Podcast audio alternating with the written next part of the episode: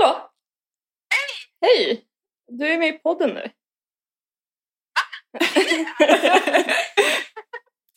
vi, vi, vi ringer våra mammor på mors dag i podden.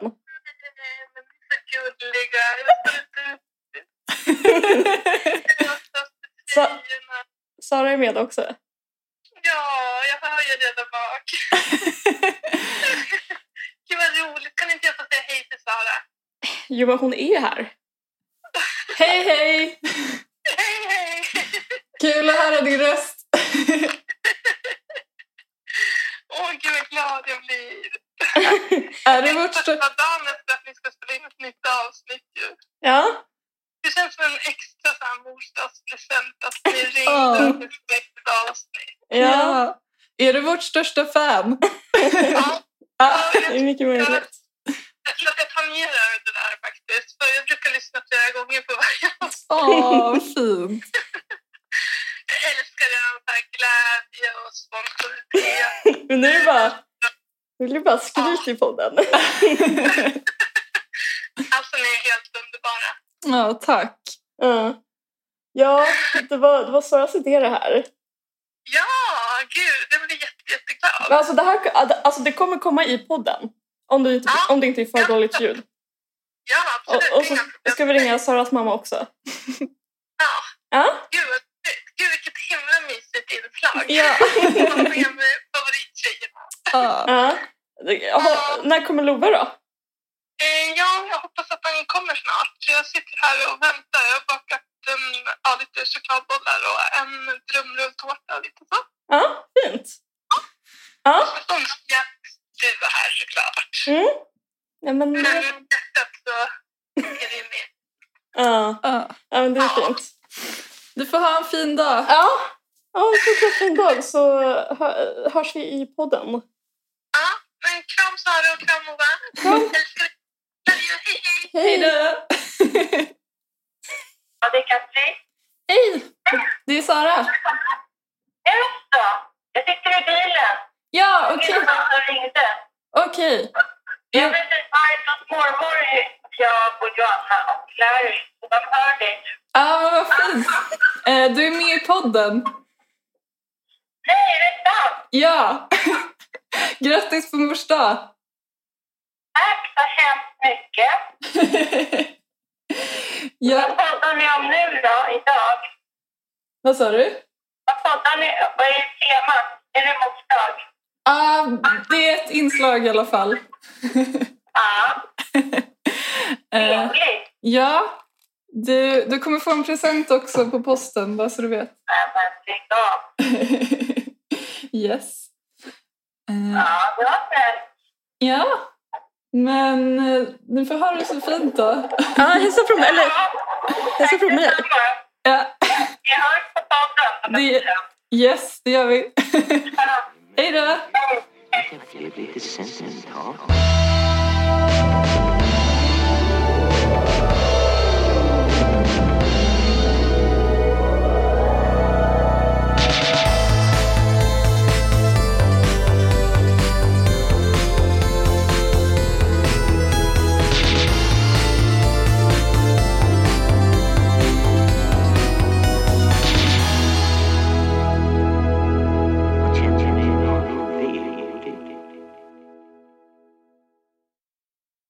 Ja, men eh, hallå Sara. Hallå Moa! Hur är läget?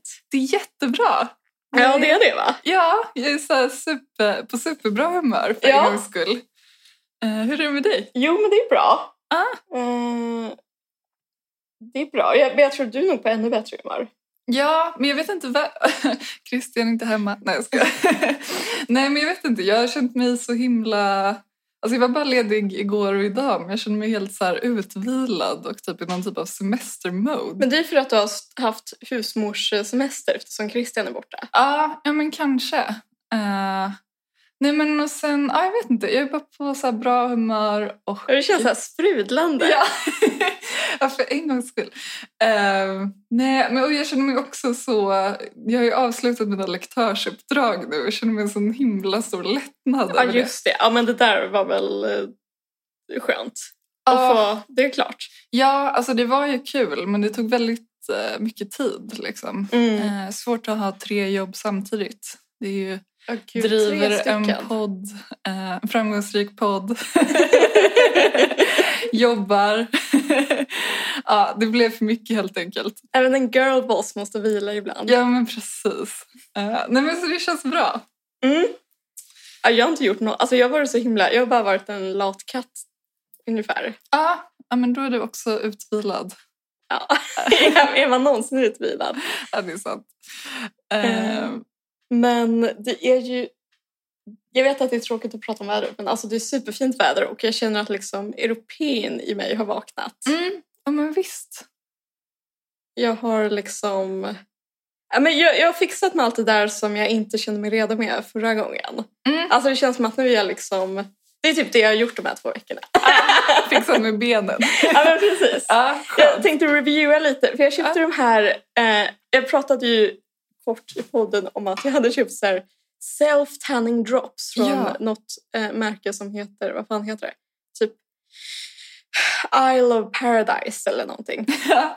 Passande namn. ja men det, de kör lite Havana Tropic-stilen på namn. Okej. Och eh, det är både ris och ros. Mhm. Alltså det som är bra med dem är att till skillnad, alltså för det är lite som en brun utan sol. Mm. Men det är ingen kräm som man smörjer in sig i utan det är som ett vatten Mhm. som man applicerar på huden och att det först när det appliceras blir brunt. Okej.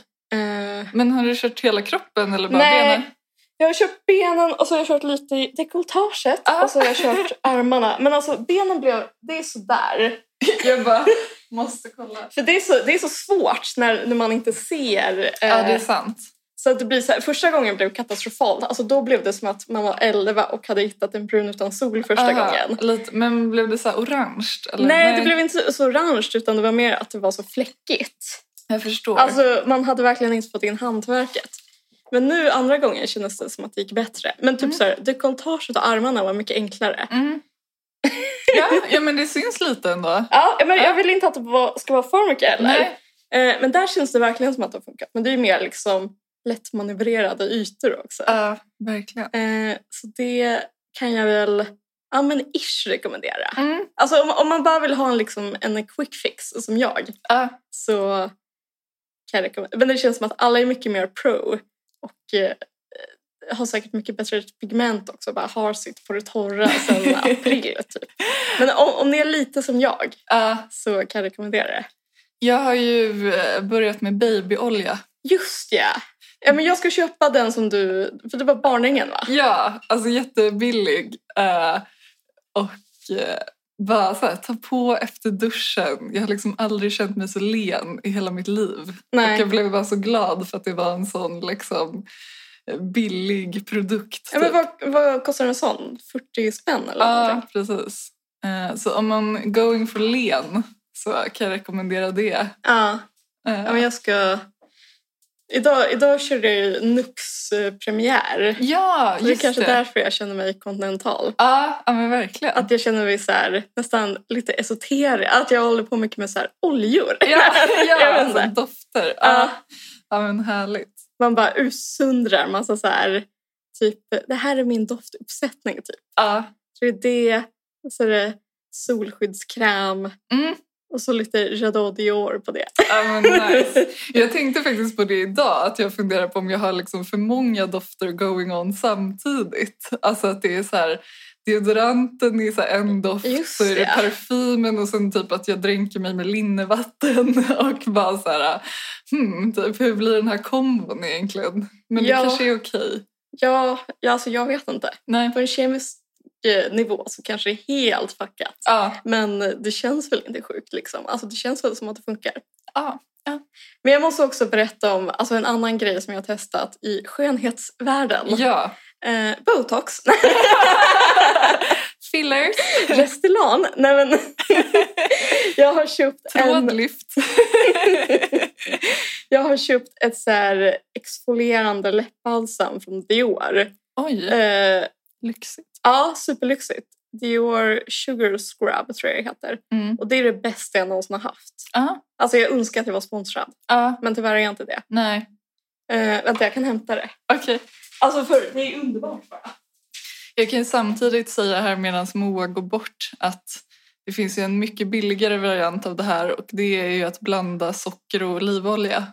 Eh, och det är typ pretty much the same thing. Jag passar på det och säga det medan Moa är borta. Och vi kommer tillbaka till det sponsrade inlägget från Dior. Jag skulle ha sagt det för två veckor sedan Ja. när jag köpte det. Dofta på det. Mm, vanilj, typ. Ja. Och det är små sockerbitar i. Ja, Alltså det är säkert inte så liksom. Det, jag tror verkligen inte att det är avancerat men det är eller rosa. Det är... Och det blir jättefin färg. Ah, ja, det är liksom färg också. Ja. Ah. Mm. Och det är underbart att bara ha det på läpparna. Ah, ah, men gud. Då är det jag som går och köper det. Nej, gör inte det! Du sa att, alltså det där lät ju mycket mer liksom... Men det är lite så kladdigt att hålla på med. Typ. Ja, det men det, är verkligen, det funkar verkligen. Men Mm. eh, jag gör det ju aldrig heller. För att jag Nej. inte pallar. Så att det kanske säger någonting. Nej men det här känns som att det kommer... Alltså det, det här är typ ett beroende... Gud vad jag låter som någon så här... Gud vad det låter som att jag är sponsrad. Förlåt. Men det känns som att det kommer liksom ruinera mig in the end. Ja, det finns ju en risk. Men det kanske räcker ett tag. Ja, Jag hoppas det alltså. Då, dagens skönhetstips. Jag kände att det var, jag kände att det var kul. Ja, Och för att jag eh, tycker att jag... Alltså liksom, när man väl har någonting att... När man väl har testat någonting ja, så känns det kul att så här, rapportera. rapportera. Mm. Ja, Då är det som att man inte bara har liksom köpt massa dyra saker för sin egen skull utan man gör det för podden också. Ja, allmännyttan. Mm. Mm. Fint. Förlåt, det var inte meningen att låta så oengagerad. Jag menar alltså. Och du som får så bra humör. Ja, precis. Åh gud. Kapitalismen va? Jag skojar. Mm. Ehm, jo, men jag har en sak som jag måste ta upp. Okej. Det är mm, Uppsala nytt. Ramaskri över att kandelabern, säger man så, Ja, på Stora torget ska flyttas. just det. Folk är upprörda. Mm. Man ser upprörda folk på gatorna gå runt med högafflar, Demonstrationståg. protesterar. Ja, inte minst i den här Uppsala förr och nu-gruppen som jag är med i. Just det, som en riktig sån gubbe. Ja. jag ville bara, det, det är något som händer i Uppsala, det vill säga inte så mycket. Nej men alltså jag har, jag har läst om det men jag, jag har inte bestämt vad jag tycker. Nej, men jag tycker den är jättefin. Ja men den ska ju vara kvar. Ja, men, Bara inte där. Ja, men vad hamnar den då i? Typ Fadimes park? Bland alkisarna. Ja, men det, Fadimes park den kanske förtjänar den. Det är sant. Nu är det jag som skriver en insändare. Ja, om att den ska hamna där. Nej men... Alltså, jag tycker Fatimes park är fin. Ja, Men visst, det är väl lite stökigt. ja. ja. Men- Nej men den lär väl hamna på så här, sto- eh, gamla torget eller någonting. Jag hoppas det. Men jag tycker det, det är så kul med den för vi har ju bland annat lagt upp bild från så Stora torget eh, från typ eh, sekelskiftet. Ja, när det var Tekla Knös eh, familjs hus Ja. så såg man den. Det är så fint att Ja. den är ett så landmärke. Liksom. Ja, det är superfint. Jag menar, Stora torget, alltså för mig är det liksom en förlorad plats. Ja, i och för sig, det kanske bara kan bli bättre. Mm. Nej men jag vet inte, alltså så här, eller jag tänker mig att det är bortom räddning liksom. Ja, ja vi får se. Ja, ja men det ska bli spännande. Det är väl massa, om man ska fortsätta på Uppsala-spåret så är det ju massor med eh, politiker som bråkar om vilket offentligt konstverk de ska ha där. Ja, Det är typ om det ska vara en metallcykel där eller inte. ah, gud. Men det har ju också varit det här med konstmuseet och slottet. Ja, Det har vi väl inte pratat om tror jag. nej. Eh. Eh, jag var ju som alla andra väldigt emot, särskilt eftersom Ja, men, Alltså det var att de skulle bygga den här hissen. ja precis. Ja. Och typ ett stort, eh, en stor kub bredvid slottet. Ja, just det. Alltså ja. som skulle vara så här ingång eller museishop, eller jag vet inte. Ja. Eh, men jag var ju väldigt för att de skulle flytta konstmuseet Ja, till där, vad heter det, Kaniken eller vad det heter. ja precis. Eh, det tyckte jag lät som en jättebra idé för ingen pallar ju verkligen ta sig dit. Nej, alltså jag har aldrig backen- varit där. Det är faktiskt väldigt kul. det är faktiskt väldigt kul. Jag har varit där men backen gör sitt för liksom motståndet. Ja men verkligen. Ehm, men jag läste faktiskt en insändare i UNT som var jättebra. Om det inte blir Kaniken Mm. så var det någon som tyckte att eh, gamla rådhuset var Ja, jättebra. absolut. Det, där är det stängt så mycket grejer. Ja, Och det är så centralt. Mm. Det tror jag vore jättebra också. ja, verkligen. Men- Jättefin byggnad. Ja, Eh, nej men bara ja, någonstans. Men det var så kul för jag typ så bläddrade igenom vår gamla Instagram-feed eh, och typ där, alltså när vi var med i UNT Mm. och så läste jag, eller nej var det ens därifrån? Ah, skitsamma. Någon... Du ville bara säga att jag var med i UNT. Ja. Slut på inslag. Nej, jag ska. Eh, nej, men jag, kom- jag minns bara en intervju där vi, eller det var någon som frågade typ så här, vad önskar ni skulle finnas i Uppsala som inte finns? Och så sa du typ så här, ah, men ett större varuhus. Mm. Men då funderade jag på, var du någonsin inne ens i rådhuset när Ja. det fanns? Ja, det var det. Det var jag. Alltså jag var inne där typ en gång. Jag var typ bara där när min pappa var i stan. Ja, okej. jag förstår. Men jag menar bara, var det liksom, saknar du det? Eh, För jag känner inte att jag saknar det. nej, jag saknar inte. Jag saknar lite Filippa K-butiken, för Ja. den var bra. Men, Ja, men precis. Ja, och, alltså, det var väl fint att det fanns, men jag var verkligen aldrig där och shoppade. Typ. Nej. Men jag de hade ju med. också mest, alltså de hade ju... Det kändes som att de mest hade här, herrgrejer också. Ja, okej. Typ så här, Hugo Boss. Nej men Ja. du fattar. Nej, men för jag håller med. Alltså, i Filippa K-butiken gick jag in i och har handlat. Men, För den har också stängt, eller hur? Och det var en tjej där som var så himla bra. jag och mina butikstjejer. Men gud, Vi du, bondar. du älskar att hylla butikstjejer också. Ja, de är it's the best. Men resten av rådhuset, jag tror jag var inne en gång liksom under alla år. Mm. Inte ens när det var typ så slutrea gick jag in. det säger ändå mycket tycker Ja, jag. gud. Ja, men det om Uppsala kanske. Ja, slut på Uppsala nytt. Nu. Jag tycker att det borde ligga någon så här eh, Orfidrängar. Ja, verkligen. Så kul när Orfrid Drängar fick corona. Ja. Det var åtta stycken på en konsert på Ja. Valborg. På UNTs digitala Valborg. Ja. Det är sjukt. Alltså jag har en kompis som satt och kollade på den där. så- Alltså jag förstår inte Åh gud. hur man kan göra. Ja. Nej. Alltså jag förstår inte vem det var till för riktigt. Nej. Men ja, sak samma. Men och då var det sju som uppträdde i någon så missionskyrka. Och alla de får corona. Ja. Men det är för att, jag tror att det är många körer som har blivit coronasjuka för att det är så, det är så intimt och så passionerat. ja, men det kanske också när man sjunger att det liksom sprids mer i Ja. luften. Typ. Ja men det är säkert. ändå logiskt. Det är därför jag inte sjunger. Ja, men precis. jag har avstått från min sångkarriär. hade kunnat varit Edith Piaf nu Ja. men Nej. på grund av folkhälsan så avstod jag. Ja.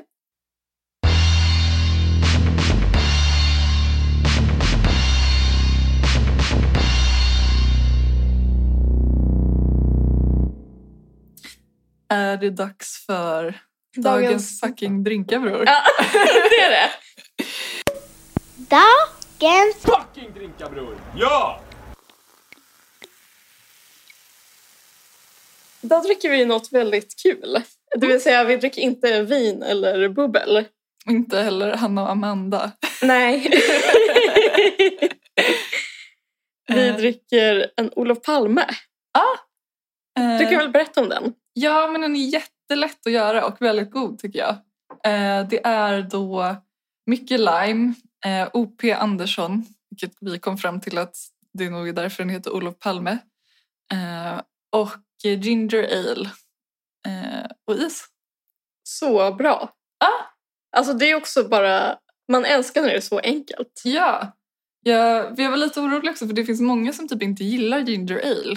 Mm, men vad är det för människor? Jag vet inte. Men jag kom på att du förmodligen gillade det. Ja men det gör jag. Jag älskar ginger. Vad, ja men betyg, vad tycker du? Är det en fyra? Ja, men det är typ det. Den är ju väldigt lättdrucken. Alltså Ja. den slinker ju ner. Ja, men, och en, en het sommardag som idag. Ja, alltså det är lite så här... eh, Jag känner mig lite så här, är jag ute och reser? Ja, men det känns också som att den är kanske lite så här i Mm. mojito-kategorin av drinkar liksom. Men jag är ju väldigt svag för mojito. Mm. Det, vet trogna lyssnare. Men eh, det känns som att förut drack jag supermycket mojito. Och nu gör jag det aldrig. Typ. Men jag kommer ihåg när det typ slog. Eller så här, jag vet inte, det var ju verkligen typ några år där, där det var det enda folk drack typ. När då? Eh, ja, kanske typ så här 2011 eller någonting. Mm. Ja Eh, men det är sant. Och så var det liksom, alltså det var, det var typ ett problem på krogarna att folk beställde bara mojito. För det tar så himla lång tid att göra med alltså myntan som liksom ska eh, mosas. Eh, så det blev så jättelånga köer typ. Jag, alltså jag minns verkligen den tiden som att Gud, så här, vad- man fick aldrig en drink typ, för att folk stod på kö för att dricka mojito. Men vadå, det finns ju så många drinkar som tar så lång tid att göra. Ja, men det var, alltså det var dels att det var liksom det här med myntan och sen så var det också att de typ fick slut på mynta. Alltså det, var, det var mycket problem med myntan. Jag fick gå till Örtaträdgården Ja. och hämta lite. Örtagården. Ja. Mitt...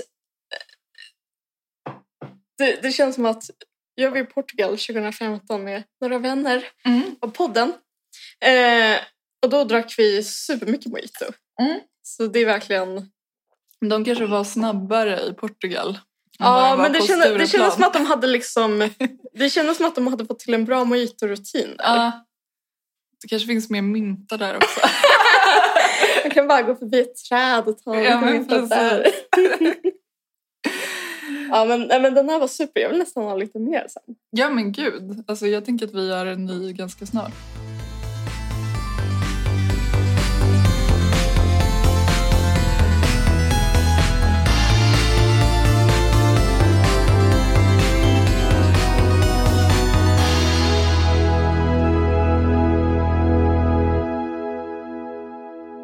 Men jag, jag som är bimbon i det här avsnittet tänkte prata lite mer om sommarmode. Ja, det är verkligen en följetong. ja, men det, jag märker så himla väl på mig själv att typ så här, om jag tar upp någonting ena veckan Mm. så kan jag typ inte släppa det. Nej, Utan att jag liksom har det top of mind veckan efter. Och att det därför blir en upp... Alltså det känns som att det blir alltid en uppföljning. Mm, men det är väl kul. Ja men jag hoppas det. Ja. Eh, men jag pratade ju om att jag kände en viss skepsis inför det här med sommaren och att man skulle liksom byta garderob helt plötsligt. ja. Och att jag har liksom lagt alla mina ägg i fel korg på så sätt att jag bara har saker som är typ eh, svarta och svåra. Ja.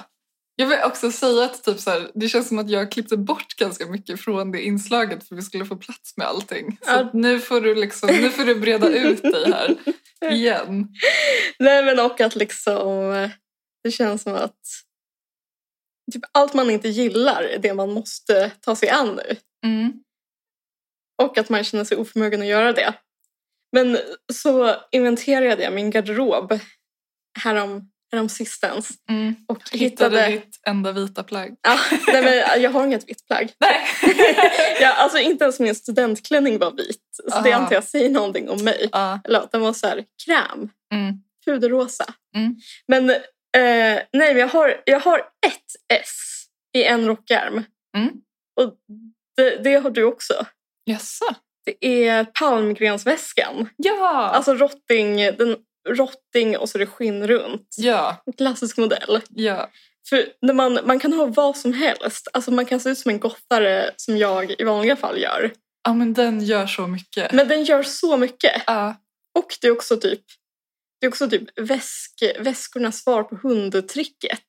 Ja! Alltså, Alltså, alltså vi måste prata om det. Ja! Alltså det är insane verkligen. Man kan, inte ha, man kan inte ha en palmgrensväska och gå genom stan eller typ gå utanför porten Nej. utan att typ det kommer alltså en drös Ja, människor. det är, alltså, det är verkligen sjukt. Ja, Men så kul. ja, en gång förra sommaren så var jag på landet på någon glassbar eller någonting.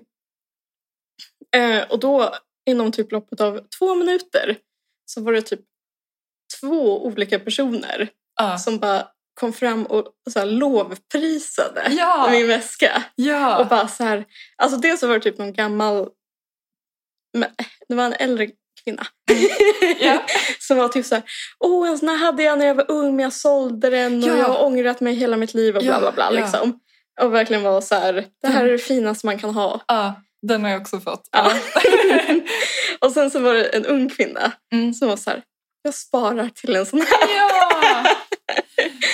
Eh, och det är jättefint. ja. Ja, men så då känner jag, för det är typ, alltså det är en väska som jag tycker väldigt mycket om. Mm. Men jag har den bara på sommaren. Du har ju din året om. Ja, alltså inte varje dag. Men, Nej, men... eh, äh, men jag, jag, har ju inte den om det regnar. Nej, liksom. precis. Det vore svårt. Ja. Men jag har den bara som en sommarväska så jag plockar bara fram den. Alltså jag plockade fram den i veckan liksom. Mm. Men när man har den, alltså det gör saker. Ja. ja, Den är magnetisk. verkligen. Och man ser ut som en sån strandtjej väldigt enkelt. Verkligen. Alltså man behöver inte anstränga sig. Alltså man kan ha liksom... Man kan köra sin vanliga emo-stil ja. och ändå vara så här... Malin i Saltkråkan. Ja, För man har den på axeln, Ja. eller armen. Ja, verkligen. Men så tänkte jag säga... Ja, vad var det jag tänkte säga? Nej men... Det känns som att... Det, det är absolut inte typ min finaste väska eller alltså så här, inte så. Nej. Men det känns som att nu när det är sommar så finns det ingenting som liksom... Alltså det är den som typ makes or breaks. Ja, Eller att, att sommaren liksom... Det känns som att sommaren hänger på den här väskan. ja, verkligen. Och typ en så här inställning också är beroende av den på något sätt. Ja. Men det var kul för jag traderade ju hem min. Ja, Eh, den är vintage. Ja, och, eh, men det var också så här, alltså, det är ju en klassisk väska liksom, men det var ju en, blev ju ändå väldigt trendigt med rotting. Mm. Eh, så, och jag var så nöjd med att jag liksom hann knipa en innan, precis innan. Liksom, det Innan blev, det slog ner. Så jag fick den ändå för ett ganska bra pris. Men jag har Ja. kollat i efterhand och nu är de ju svindyra. Vad ligger de verkligen. på nu då? Ja, men alltså inte under typ 1 och 6 skulle Nej. jag säga. Eh, när jag har kollat. Mm. Jag fick den för 800 tror jag. Ja, men- Men gud, det är ju superbra. Ja, Det är ett kap verkligen. men den är ju väldigt gammal så den är ju lite Den så är här, lite frail. Ja, den, precis. Det har kanske lossat i någon tråd där och där. Men det går ju säkert att fixa någonstans. Ja, fast det. Men det, är- det är också så här... Ja, men jag, jag fick min i 20-årspresent, tror jag att det var. Mm. Ny. Men det, kän, alltså, det känns som att den är gammal bara för att den är så liksom... Alltså den osar lite så här... Det känns som att man blir så här... Man blir en... Så, så, man, man, man blir så här glamorös på ett svenskt sätt. Ja, Alltså du vet ju typ så här svenska filmikoner är. De måste vara lite så här, alltså de kan vara eleganta och sådär men de ska ändå ha sitt i liksom svenska myllan. ja, Det är som det här som de som Monica Zetterlund, att hon var typ ett eh, lingonris i ett cocktailglas. Eller Ja. någonting. Alltså det är verkligen den viben på en palmgrensväska tycker Ja. jag. Nej men alltså, precis som du sa, alltså, jag tror typ aldrig jag har så här, gått in i en butik typ, med den väskan utan att typ, så här, expediten är liksom så här, åh, var har du hittat den där? Man blir så glad men också förvånad att det verkligen är så. Alltså jag, jag, nu har man ju vant sig, men jag typ jag förstod inte hur det kunde vara så. Nej. Men det är verkligen så. Alltså det är typ som att ha en gullig hund. Ja, Eller en bebis. men mycket lättare att ta hand om. Ja. Lite lättare. Ja. Nej men alltså det är verkligen så här. Jag vet inte vad det är, men det är bara någonting. Så den kommer jag ha hela sommaren. Ja. Ja men verkligen starkt tips om man vill få lite mer uppmärksamhet i vardagen. Jag känner sig sedd. Ja, men jag, jag vet inte. Det är väl väskan som blir sedd, men man Ja. själv följer väl med på ett hörn. Ja, exakt. Ja, men så det är min enda liksom, typ, det enda jag har att säga, mitt enda tips om sommarmodet. Mm. För jag är inte rätt person att fråga egentligen. Men det är typ så här, skaffa en palmgrensväska så löser sig det mesta. Ja, Obs, inte reklam det här heller. nej. Kul, kul att... Synd att de är också svindyra. Ja, är, men de är inte, alltså de är ju dyra men de är inte, de är inte så här, de är inte Chanel-dyra liksom. nej, det är sant. Att de är ändå liksom within någon sorts reach. Mm. Alltså Ja, från de flesta. Gud, vad- ah, jag är så pinsam. Med mig nej, nej, nej, nej. nej. Så köp det, så köper man lite Dior äh, läppbalsam så ska Ja. vi se att det löser sig. Precis, en Inga bekymmer. Ja. Men då är det dags för drink nummer två då.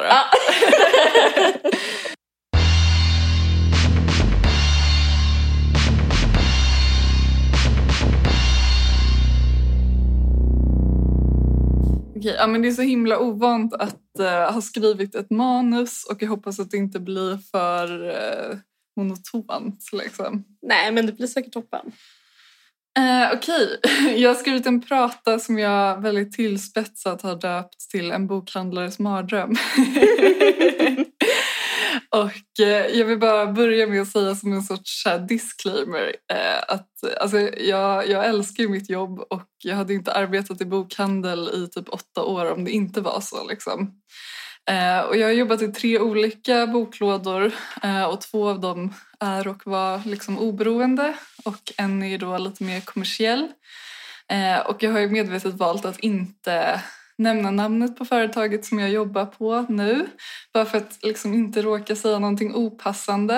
Eh, men sen antar jag att de flesta kan gissa vart det är ändå. Ja. Eh, men jag ska börja med att introducera författaren och bokhandlaren Sean Bithell. Jag är inte riktigt säker på hur man uttalar det, men eh, ett engelskt namn. Vad är det för... Ja, eh, han har skrivit tre böcker. Diary of a bookseller, Confessions of a bookseller och Seven kinds of people you find in bookshops.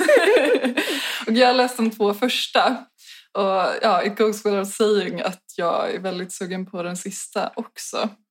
Eh, Men den här Sean då driver en faktisk bokhandel i Skottland i en stad som heter Wigtown. Eh, den finns alltså på riktigt och den har en väldigt underhållande Facebook-sida som jag kan rekommendera att följa. Eh, Frågan är om jag liksom rekommenderar de här böckerna till alla och det är lite oklart. Jag och en kollega kom fram till att anledningen till att vi inte sålde så bra av den första boken eh, kanske beror på att folk som inte arbetar i bokhandel är liksom mindre sugna på att så att säga läsa om sig själva. eh, och det medan det är verkligen så kattmynta för oss som jobbar i bokhandel. Det är väldigt mycket igenkänning och intern humor. Eh, och till saken hör eh, så driver han ju då en second hand-bokhandel slash antikvariat och det finns ju väldigt många skillnader i det gentemot att arbeta i en vanlig bokhandel. Men bara för att ge en första känsla för hur den här boken är skriven och Sean som person eh, som väldigt mycket består i att han är en bitter medelålders man så tänkte jag bara ge ett smakprov på hur han beskriver sin katt. Captain the cat is already, already nudging the borderline of morbid obesity and is the size of a small child. He now have the bonus of the full thickness of his winter coat upon him and frequently startles the customers who, on feeling what they imagine is a svelte kitten rubbing against their legs in the shop, look down to find someone more akin to a fat puma. Och ja, därefter så består ju boken till mångt och mycket om eh, kundmöten som till exempel det här. Two elderly customers came in at 11 a.m. and left after five minutes saying eh, You could spend all day in here, couldn't you? Well, apparently not. Och vidare så är det ju en studie i hur man kan dela in kunder i olika kategorier.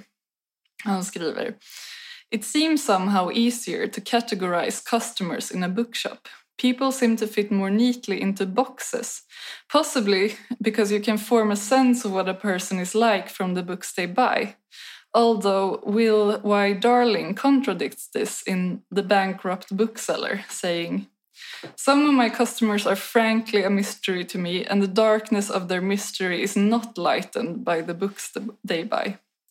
It is probably less about the books they buy and more about the human interaction that Darling is describing. And very broadly speaking, people can be divided into two groups those who have worked in a bar, a coffee shop, restaurant, or shop, and those who have not. And while it would be unfair and untrue to say that everyone in the latter category treats those in the former as a second class citizen, it is probably accurate to say that virtually nobody from the first category will do so. Och här visar sig eh, något av det lite kontradiktoriska i att arbeta i en bokhandel eller i en butik eller ett serviceyrke överlag. Det är liksom som en konstant karusell av att älska möten med människor och att samtidigt tappa tron på mänskligheten. och en gammal chef till mig sa en gång att istället för att få extra pengar för obekväm arbetstid så borde vi få påslag för obekväma människor.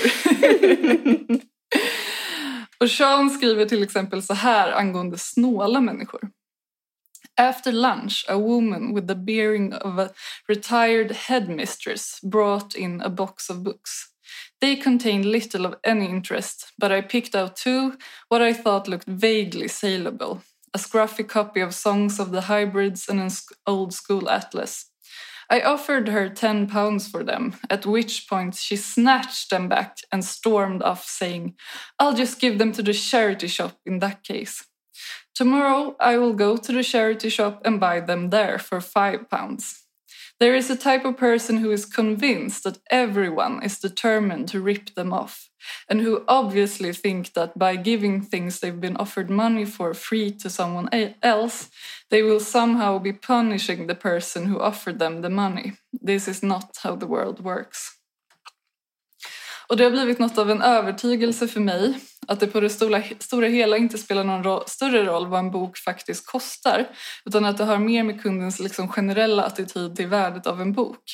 Och när man står dagarna i ända och får höra, att en, eh, får höra ena hälften tycka att det är väldigt billigt och den andra hälften säga att det är alldeles för dyrt drar man till slut den slutsatsen. Och självklart har prisfrågan påverkats av en förändrad bokmarknad med e-handel och strömningstjänster såklart. Samtidigt finns det människor som sätter väldigt stort värde på böcker och det här har jag kommit fram till har mindre att göra med storleken på inkomst eh, som attityden till läsning i stort. Och är man en så kallad heavy reader har man kanske desto större anledning att tänka på priset. Men i allmänhet har man liksom inkorporerat det som en utgift man är villig att ha. Och min teori är att det snarare är de som läser sällan som tycker att böcker är dyra. Och i min kritik av Hedengrens hutlösa priser så kommer jag ju själv ut som en kund som bryr mig om priserna. Men jag tänker att det kanske har mer att göra med att jag har någon typ av insyn i hur och varför prissättningen ser ut som den gör på vissa ställen. Och själv så slits jag dessutom av en vilja att stödja boklådor och köpa böcker som vi inte har i sortimentet där jag nu arbetar. Samtidigt tänker jag att det måste vara en av fördelarna av att arbeta i bokhandel Eh, och det är för inte särskilt stor lön. Och därför beställer jag girigt mina recensionsex och tar mina fria läsexemplar ur butiken. Vilket har lett till att jag de senaste åren aldrig köpt så lite böcker. Det måste helt enkelt vara något speciellt för att jag ska göra det. Och innan jag går vidare till min utlovade konstruktiva kritik av vad jag tycker bokhandlare kan göra bättre och vad de redan gör bra ska jag fortsätta med några lustiga företeelser som jag stött på under åren. Den första kategorin är folk som hör av sig och vill ge ut sin bok. Och det här är då från Confessions of a Bookseller. In today's inbox, subject, the world needs my book. Message. I'd love to advertise my book with you. I have written a book that ensures the person you find becomes your life partner. This also removes the need for lying, manipulation, and game playing. It prevents emotional damage and removes the risk to human life through suicide. Och det här var något som hände otroligt många gånger när jag arbetade i barnbokhandel. Folk ringde och ville veta hur man ger ut en bok. Och ibland var det liksom flera samtal per dag. Och jag minns speciellt en kvinna som hade skrivit en barnbok och ville ha hjälp med hur hon skulle gå tillväga. Och jag sa att hon borde höra av sig till barnboksförlagen varpå hon frågade vilka som fanns. Hon hade inte hört talas om varken Bonnier Carlsen eller Rabén Sjögren. Vilket får mig att undra om människor bara är dåliga på att söka information eller om de överhuvudtaget vet vad ett förlag är. Eller hur bokbranschen fungerar. Hon tackade så hjärtligt för hjälpen och bad mig bokstavera förlagens namn. Och det är förstås också intressant att folk tror att människor i bokhandel har någon större insyn i eller makt över vilka manus som antas, om inte annat i någon typ av indirekt mening. Och sen har vi såklart några ganska vanligt förekommande konversationer som man har som brukar se ut något i stil med Hej, vill du ha någon hjälp att hitta något? Nej, jag letar bara efter något att läsa. Hej, vill du ha tips på något att läsa? Nej, man kan ju inte ge andra tips på böcker. Det är ju omöjligt. Hej, kan jag hjälpa dig att hitta något? Ja, har du någon bra bok? Varpå man alltid svarar inombords. Nej, tyvärr. Och det här för oss vidare till kunder som antingen propsar på att de är unika snöflingor i fråga om vad de läser och som när man pratar vidare har en väldigt vanligt förekommande smak, det vill säga hårdkokta deckare som utspelar sig i Sverige eller bästsäljande feelgood. Och sen har vi de som tvärtom hävdar att de läser allt. Men som sedan visar sig ha en jättespecifik smak som består i urban fantasy eller biografier om kvinnor som hållits inlåsta. Sen har vi de som är övertygade om att de har mycket bättre smak än en själv och ska undervisa en i vad som är god litteratur. Det kan bli väldigt pinsamma situationer när det visar sig att man själv läst exakt allt som de pratar om. Och det finns även en kategori, framförallt män, som utgår från att man bara är en liten tjeja som bedriver någon typ av kioskverksamhet och bara sköter kassan. En annan kund som kan vara både mer och mindre trevlig är den som istället för att ta emot rekommendationer absolut vill tipsa en själv om olika böcker ur vårt sortiment som de bara utgår ifrån att man själv inte har läst och som är totalt oemottaglig för om man faktiskt läst boken i fråga. Och apropå ingenting så är det en av de konstigaste frågorna jag någonsin fått. Finns det någon bokhandel här? Och för att återknyta till Sean Bithell så märks det helt klart vilka som ser en som en kompetent anställd och någon som de kan så att säga ösa sin skit över. Jag har vid tillfälle till exempel fått skrikit till mig Du kan ta dina jävla böcker på tysk brytning och som absolut inte ville bli medlem i kundklubben men som samtidigt ville ha poäng varpå han stormade ut ur butiken. Och att folk tänker att man bara stillsamt ska stå och ta emot det här och att det är okej gör mig förstås rasande. Och den gången så halvskrek jag Ha en trevlig dag efter honom. Eh, kunden har för det mesta, men inte alltid rätt. Och med det här kommer mina observationer från olika boklådor eh, och med förbehåll att jag inte är någon expert och uppenbarligen inte har drivit en bokhandel själv. Nummer ett. Det absolut dyraste med att driva en butik är för det mesta hyran. Och att välja en väldigt central plats är ju alltid ett risktagande. Självklart kan det leda till fler kunder, men om så inte är fallet kommer det äta upp det mesta av inkomsterna. Och som i exemplet Hedengrens måste det vara uppenbart att en adress mitt på Stureplan kommer vara den största utgiften. Och nu har de ju flyttat, men inte särskilt långt vad jag förstår. Det för oss vidare på antalet titlar. Eh, jag har varit med om lika många gånger att kunder säger att det finns för mycket att välja på och att de blir överväldigade av utbudet och därför lämnar med ingenting.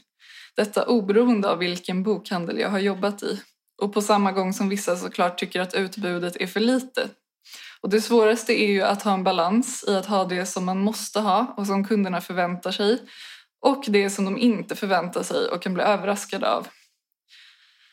Och det man måste ha i åtanke är ju att varje bok är ju ett investerat kapital och böcker som bara står och tar plats är ju liksom bundet kapital som man inte får igen.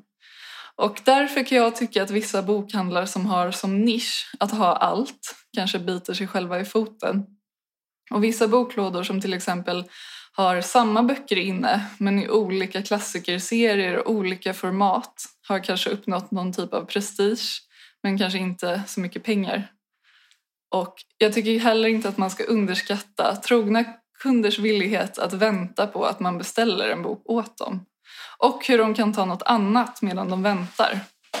Det här inbegriper även långa serier av böcker och huruvida eh, den serien ockuperar en hel hyllrad bara för att. Och det som kan provocera mig återigen med Hedengren som olyckligt exempel är när företagsmodellen till slut går ut på att vädja till kunder att stödja dem istället för att tänka på vad de kan göra för att stödja kunderna. Och det kanske låter hårt, men det lämnar en väldigt dålig smak i munnen på mig. Och en annan kostnad är förstås personalen. Och det absolut svåraste för små boklådor som drivs av bara en person är att man inte hinner med allt. Jag har väldigt stor respekt för de här eldsjälarna och jag vet att de verkligen skulle behöva mer hjälp. För det är så mycket som behöver göras som inte hinns med när man är helt själv. Till exempel att ta lunchrast.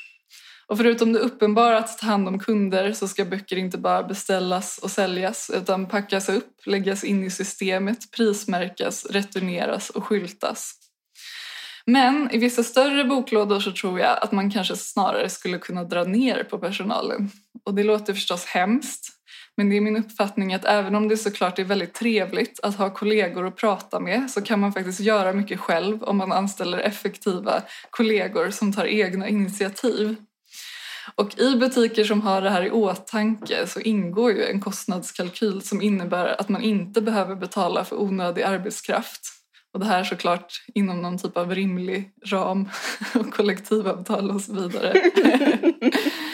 Men de man anställer måste vara kunniga. Och det vill säga att det måste vara folk som läser mycket och brett och samtidigt är duktiga på service. Och om man har anställda som kan sortimentet och som kan guida kunder till böcker som de inte ens visste att de ville ha så är det min mening att sortimentet inte heller måste ha allt. Utan att man kan jobba med det som de här personerna kan tipsa om. Och allt som ofta är dessa personer kvinnor. Helt enkelt för att kvinnor läser mer och samtidigt oftast inte är totalt introverta kufar. Det bara är så. Och en annan sak som bara är ett faktum är att böcker som är frontade säljer bättre. Böcker med ryggarna ut är svårare att hitta och även om människor som du och jag inte har några problem att orientera sig i dem så är det oftast inte fallet för gemene man. Och det är såklart skillnad om man är ett antikvariat som går ut på att kunder letar sig fram men om man inte är det så måste man ha en tydlig skyltning. Och slutligen, det måste även finnas en viss ordning och vara städat. Med undantaget antikvariat igen. Så går det inte att komma ifrån det faktum att den största köpgruppen är medelålders kvinnor. Och de kommer inte tycka om känslan av att ta på en dammig bok. Eller att gå in i ett stökigt rum med travar av böcker på golvet. Så kanske min största lärdom under de här åtta åren är att damma hyllorna. ja, Ja, det var det. det var ord och inga visor. Ja, precis. Såklart livrädd att jag har gjort folk upprörda. Nej, men det, det tror jag inte. Men jag ville, bara, jag ville ta det här seriöst Ja, en gång ja för men det är jättebra. Och så tänker jag att jag resten av sommaren kan ha inget manus någonsin igen. Nej, men det var jätte... eh, Det känns så skönt. Det måste kännas så skönt att ha fått allt det här sagt liksom. Ja men faktiskt. För när man pratar fritt så är det så mycket man glömmer. Men jag är ju bara konsument liksom. Så jag har ju Mm. bara det här konsumentperspektivet. Mm. Jag är å andra sidan en person som köper ofantligt mycket böcker. Ja. Så, Men har du Eh. några spontana tankar? eh, Eller något som du inte håller med om? Eh, jo, men jag tänkte på det här med att inte ha böcker inne och att vänta på böcker. Mm. Det är typ... Alltså jag håller med, men där är också liksom... Den fromma delen i en håller med. Att man är Ja. såhär, ja ah, men det går att vänta på och sådär. Ja. Men liksom... Kick, den kicksökande personen i mig det är är sant. så här, nej. Eh, alltså om- man verkligen, för jag går nästan bara på, eller inte bara, men jag går jättemycket på feeling om jag ska köpa någonting. ja, Eh, det är sant. Ja. hela mitt liv går ut på feeling. Men vad heter det? Så då är det mycket så här, jag vill ha det nu. Ja. Jag det, det, tror jag, det tror jag i och för sig, man kan ju ha så här, alltså vissa böcker är enkla att få tag i nu, alltså de liksom stora middle of the road författarskapen och sådär. Ja. Men ibland kan jag bli frustrerad om det är typ så här, om det är typ en bok som kanske något mindre förlag har gett ut Ja. nyligen. Ja. Att man måste kanske höra av sig om man ska beställa den hos någon, någon, någon eh, bokhandlare och sådär. Det kan jag tycka är så här, alltså då, då, då kan jag bli så här, ah, men gud ska jag inte bara beställa den då? Så får jag den på posten imorgon typ. Ja. Eh, så jag jag måste, säga att, jag måste säga att där är jag lite skeptisk. Ja. Men jag eh, jag, jag tycker att det är ändå fint liksom. Men jag håller verkligen med om att det här att man inte ska liksom att man ändå har misslyckats och man måste liksom eh, bedja eh, Ja, till människors godhet. Liksom. Ja, ja men precis. Det, tror jag, det tror jag är någonting som folk borde ta med sig. Ja, Men jag tycker typ... Alltså jag tycker nog... Om jag, om jag ska tänka på de bokhandlare som jag tycker mest om. Alltså jag gillar nog mer så här mellanstora. Typ Mm. studentbokhandeln ja. tycker jag. Det är ju lite... men handla inte där. Nej, nej det är lite kontroversiellt. ja. Men eh, det tycker jag är en perfekt storlek på en bokaffär. Mm. Typ. Den är ändå ganska stor. Ja, Ja. eh, men ändå inte så att man blir helt dränerad. Nej. Så jag gillar jag gillar riktigt större bokhandlar också, men då är det Mm. ofta kedjor. Typ, eh, då var du på Foils antar jag. Ja, Den är ju underbar. ja verkligen. Alltså på, i London. Mm. Det är liksom ett palats Ja. med kanske fyra, fem våningar. ja, där kan man ju vara en hel dag. Ja men precis. Ja. Men då måste man ju typ ha, men det har man väl ofta, eller jag har ofta det om att man har så här, typ en lista på böcker som man vill hitta. Mm. Men det känns som om man, om man kommer dit och inte har den blekaste, Nej. då, är, känns det, då måste det vara omöjligt nästan. Ja.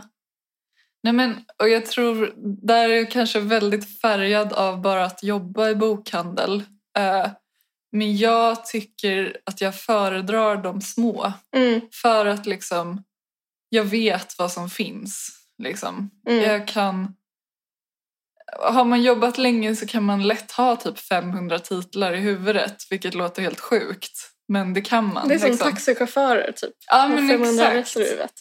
Och det är bara så skönt att ha en överblick eh, och liksom inte behöva så här, nu måste jag kolla upp det här i systemet, sen måste jag gå till den hyllan och sen så bara oj, allting står i fel ordning typ och sen så hittar man inte den men sen så hittar man den så en timme efter att kunden har gått och bara fan typ. Mm. Eh, så det kanske är väldigt färgat av det liksom. Ja. Men då tycker jag, om man är bra säljare.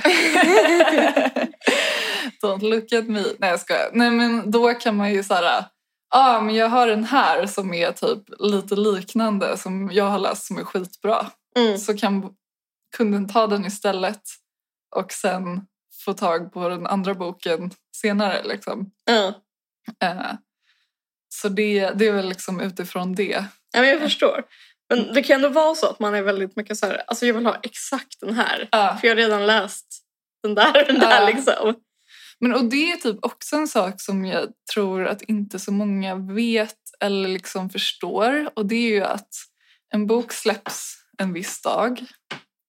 Och den dagen så kan vi beställa den. Mm. Och Jaha, man kan, inte, ju, kan man inte förbeställa? man kan förbeställa men oftast kommer den ju ändå. Den ska ju ändå skickas liksom. Eh, med vissa undantag. Men är det så här, Harry Potter, Harry Potter 7? Precis. Och vi, vissa gånger får man boken liksom innan, så Ja. får man gömma den. Men för det mesta så är det liksom, ah, men jag läste att den här boken kom ut idag. Jag bara, ah, vi beställde den nu. och liksom, ja men det kan vara svårt att liksom Ja, hänga med på det. Så här, vi väntar på att den här leveransfirman ska komma liksom. Ja men gud, ja, men det förstår jag. Ja, Men jag är ganska mycket så här typ, oh, nu har jag läst tidningen om den här nya boken. Ja. Då vill jag gå och köpa den på lunchen. Ja. ja, men jag fattar. Men och jag vet inte också det som jag sa, alltså jag tycker det är så himla mysigt att typ smsa Mårten på böcker och bläck och bara hej, har du den här? Jag kommer Du får imorgon. sms eh. Ja, du för sig, du har jobbat där. Ja, eh, så att eh, det tycker jag är bara mys, men jag förstår ju såklart eh, vad du menar liksom. Ja, men jag, jag tycker, för jag tycker, om det är just, ja, men jag tycker allt är toppen och sånt där, men det är liksom, det kan vara lite för hög tröskel. Alltså jag, Ja. vet, jag vet, det är säkert, alltså, det kanske inte är jättekonstruktivt, men alltså, Nej, men för, för mig kan det kännas ja. så. Alltså jag, jag, jag tror också att, jag tror att många små independent-bokhandlar skulle tjäna på skapa bättre hemsidor där de har hela lagret Ja, och vad som finns i lager och kanske ett beställnings... men vet du hur lång tid det tar? Ja men sätt en datakille på det. Ja, men har de råd? med en datakille. Alla känner en datakille. Ja. Eh, nej men jag, för, jag förstår det problemet men jag tror, att det är, jag tror att det är en jättebra investering. Mm. Att typ, typ English Bookshop har typ ett ganska bra sånt system. Ja, ja, men det kanske. Och typ eh, förut så hade Hedingrens det men nu har de inte det längre. Okej, ja. Eh, då kan man se vad de hade inne och sådär. Ja. ja, men jag håller med. Det gör det ju verkligen lättare. Liksom. Jag tänker mest på de här där jag har jobbat där det liksom ofta är bara en person. Mm. Och liksom bara att så här, nu kommer det fyra lådor. Jag måste lägga in allting i kassan för att jag ens ska kunna sälja den. Liksom. Ja. Eh, sen säljer du boken. Ska du då också hinna liksom lägga upp den i någon typ av webb? Eller förstår du vad jag menar? Alltså det är liksom en konstant kamp om tid. Jo jag förstår men allt det där måste ju kunna gå att automatisera på något sätt. Mm. Eller? Jag vet inte. alltså, jag menar så här, typ det, det bästa vore om man kunde se hur många som fanns i lager och att när det säljs en bok så tas den bort automatiskt. Mm. Men det är typ Adlibris som kan göra det. Nej, men det är väl inte bara, alltså Akademibokhandeln och så, alltså det är också en stor men ändå, alltså typ Mm. så här, typ, Ja men precis, då har de råd. ja men typ så här, Röda rummet har en jättebra hemsida. Okej, ja. Alltså de är ju via antikvariat.net. ja. Eh, men då kan man ju se vad de har inne och Mm. alltså man kan inte beställa, och man kan liksom lägga undan och ha sig. ja. Alltså, det är bara, det är bara kul att jag blev så här, tycker ni kille? Men alltså det där, det där får ni lösa. Mm. Blir du provocerad nu? Jag, jag, vill bara, jag vill bara se dig lösa det. När du löser det så kapitulerar jag. Ja, men jag, jag ska skicka mina bästa datakillar på det. Så. Absolut. Nej, men jag menar bara, det är väl bara att ta typ en så här 17-åring som inte har ett sommarjobb och fixa det. Typ. Absolut, jag håller med. Verkligen. Det är säkert jättesant. Nej, men jag, alltså jag, jag raljerar lite men jag menar bara liksom. Ja. Men jag, jag... I hear you. Men jag förstår att det, det, jag förstår att det säkert är ett helvete och liksom, jag kan ju ingenting om internet. Nej, men alltså, jag, jag, kan, jag skulle inte få till det liksom. Men jag tror ändå att en, om, man, om, man har, om man har ett företag liksom, Mm.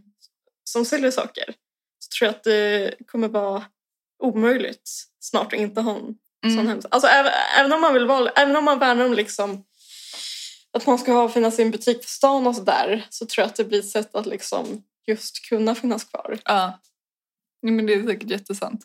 För typ... för det, men det är det här, jag tycker i alla fall att det är ett klassiskt dilemma, i alla fall i mitt liv. Att det är typ så här, å ena sidan så värnar man om typ eh, små butiker och Mm. eldsjälar och eh, en levande stadskärna. Mm. Men jag tycker att det är så himla jobbigt att prata med människor. Ja. Alltså inte att handla av dem, Nej. men bara så här typ... Men det har vi ju pratat om, typ så här, de här antikaffärerna som finns. Ja. Att jag jätteofta typ drar mig för att gå in där för att, Ja. inte, för att ofta så står det bara en person där, Ja. alltså som jobbar där, så det är ingen annan inne. Nej. Så vet man att om man ska gå in så blir det liksom, måste man ha typ ett samtal i typ tio minuter. Så känner man så här, nej jag orkar inte Nej. det. Alltså jag vill bara ha något så här, man vill bara ha något så opersonligt och automatiskt. Typ. Ja, så att man, man skyndar förbi eller Ja. går till någon sån gigantisk affär där man slipper liksom ha ett möte. Ja. ja, men jag fattar. Alltså det är väl, men det är ju bara Amida liksom. Ja, ja men jag tycker det var bra. Jag... Eh, ja, men precis. Alltså typ jag älskar de här småhandlarna och sådär. Men ibland kan jag känna typ så här, alltså om, om man inte är på humör så orkar man typ inte gå in där. Nej, jag håller med. Alltså det, där, har ju verkligen någon där är det verkligen skönare att smita in på typ Akademibokhandeln och köpa någonting. Mm. Men, ja, men det, det är ett, som jag säger, det är ett dilemma. Ja.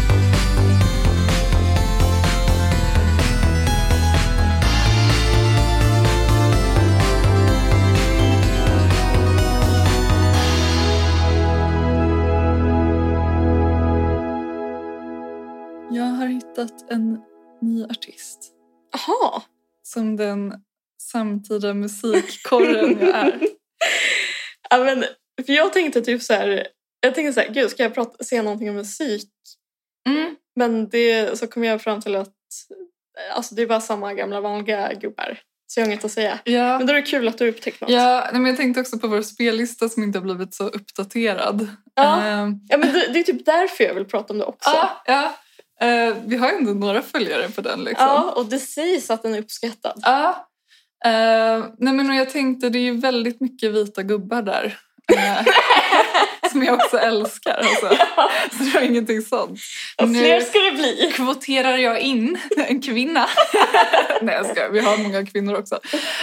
Nej men det är en brittisk artist som heter Lara Mvula, tror jag man uttalar det. Hon är nya Prince. Jaha, Hon är vår tids nya Prince. ah, Eh, kul. och jag tänker att så här, om det nu blir så Summer of Love så är det ju den typen av musik man vill ha kanske. Ja. Eh, lite dansant. Eh, och alltså hon är fruktansvärt bra. Och hon, det är inte liksom att jag upptäckte henne ny, nu. Hon kom med typ ett album 2013. Eh, hon är väldigt så gospelinspirerad och har typ gett upphov till en egen genre som heter gospel delia. Jag vet inte exakt vad det är.